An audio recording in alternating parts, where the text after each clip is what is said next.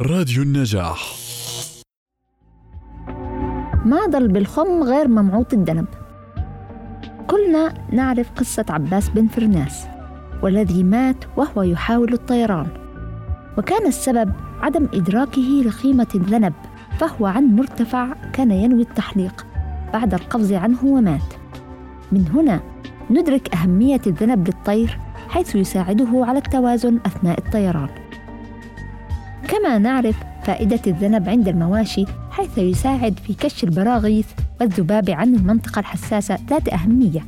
وفي معجم اصطلاحاتنا أيضا هنالك استخدام لكلمة ذنب كأن يقال إن فلان هزاز ذنب. ويقصد من القول إنه يجيد فن مسح الجوخ لمن هو أعلى مرتبة منه.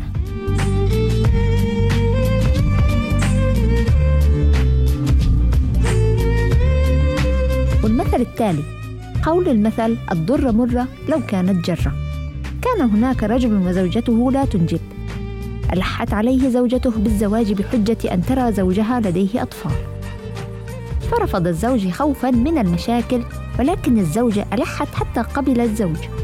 سافر الزوج إلى أحد أقاربه بحجة الزواج. حسب طلب زوجته وبعد عودته إلى بيته جلب معه جرة كبيرة من الفخار.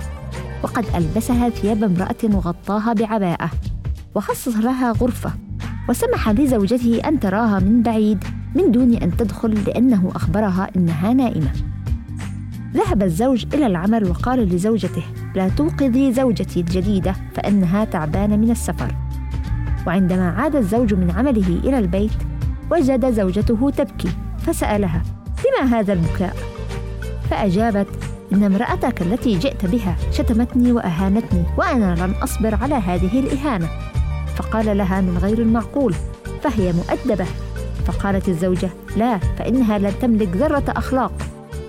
فقال انظري سأؤدبها. فأخذ عصا قوية وبدأ يضرب الجرة الفخارية حتى تكسرت.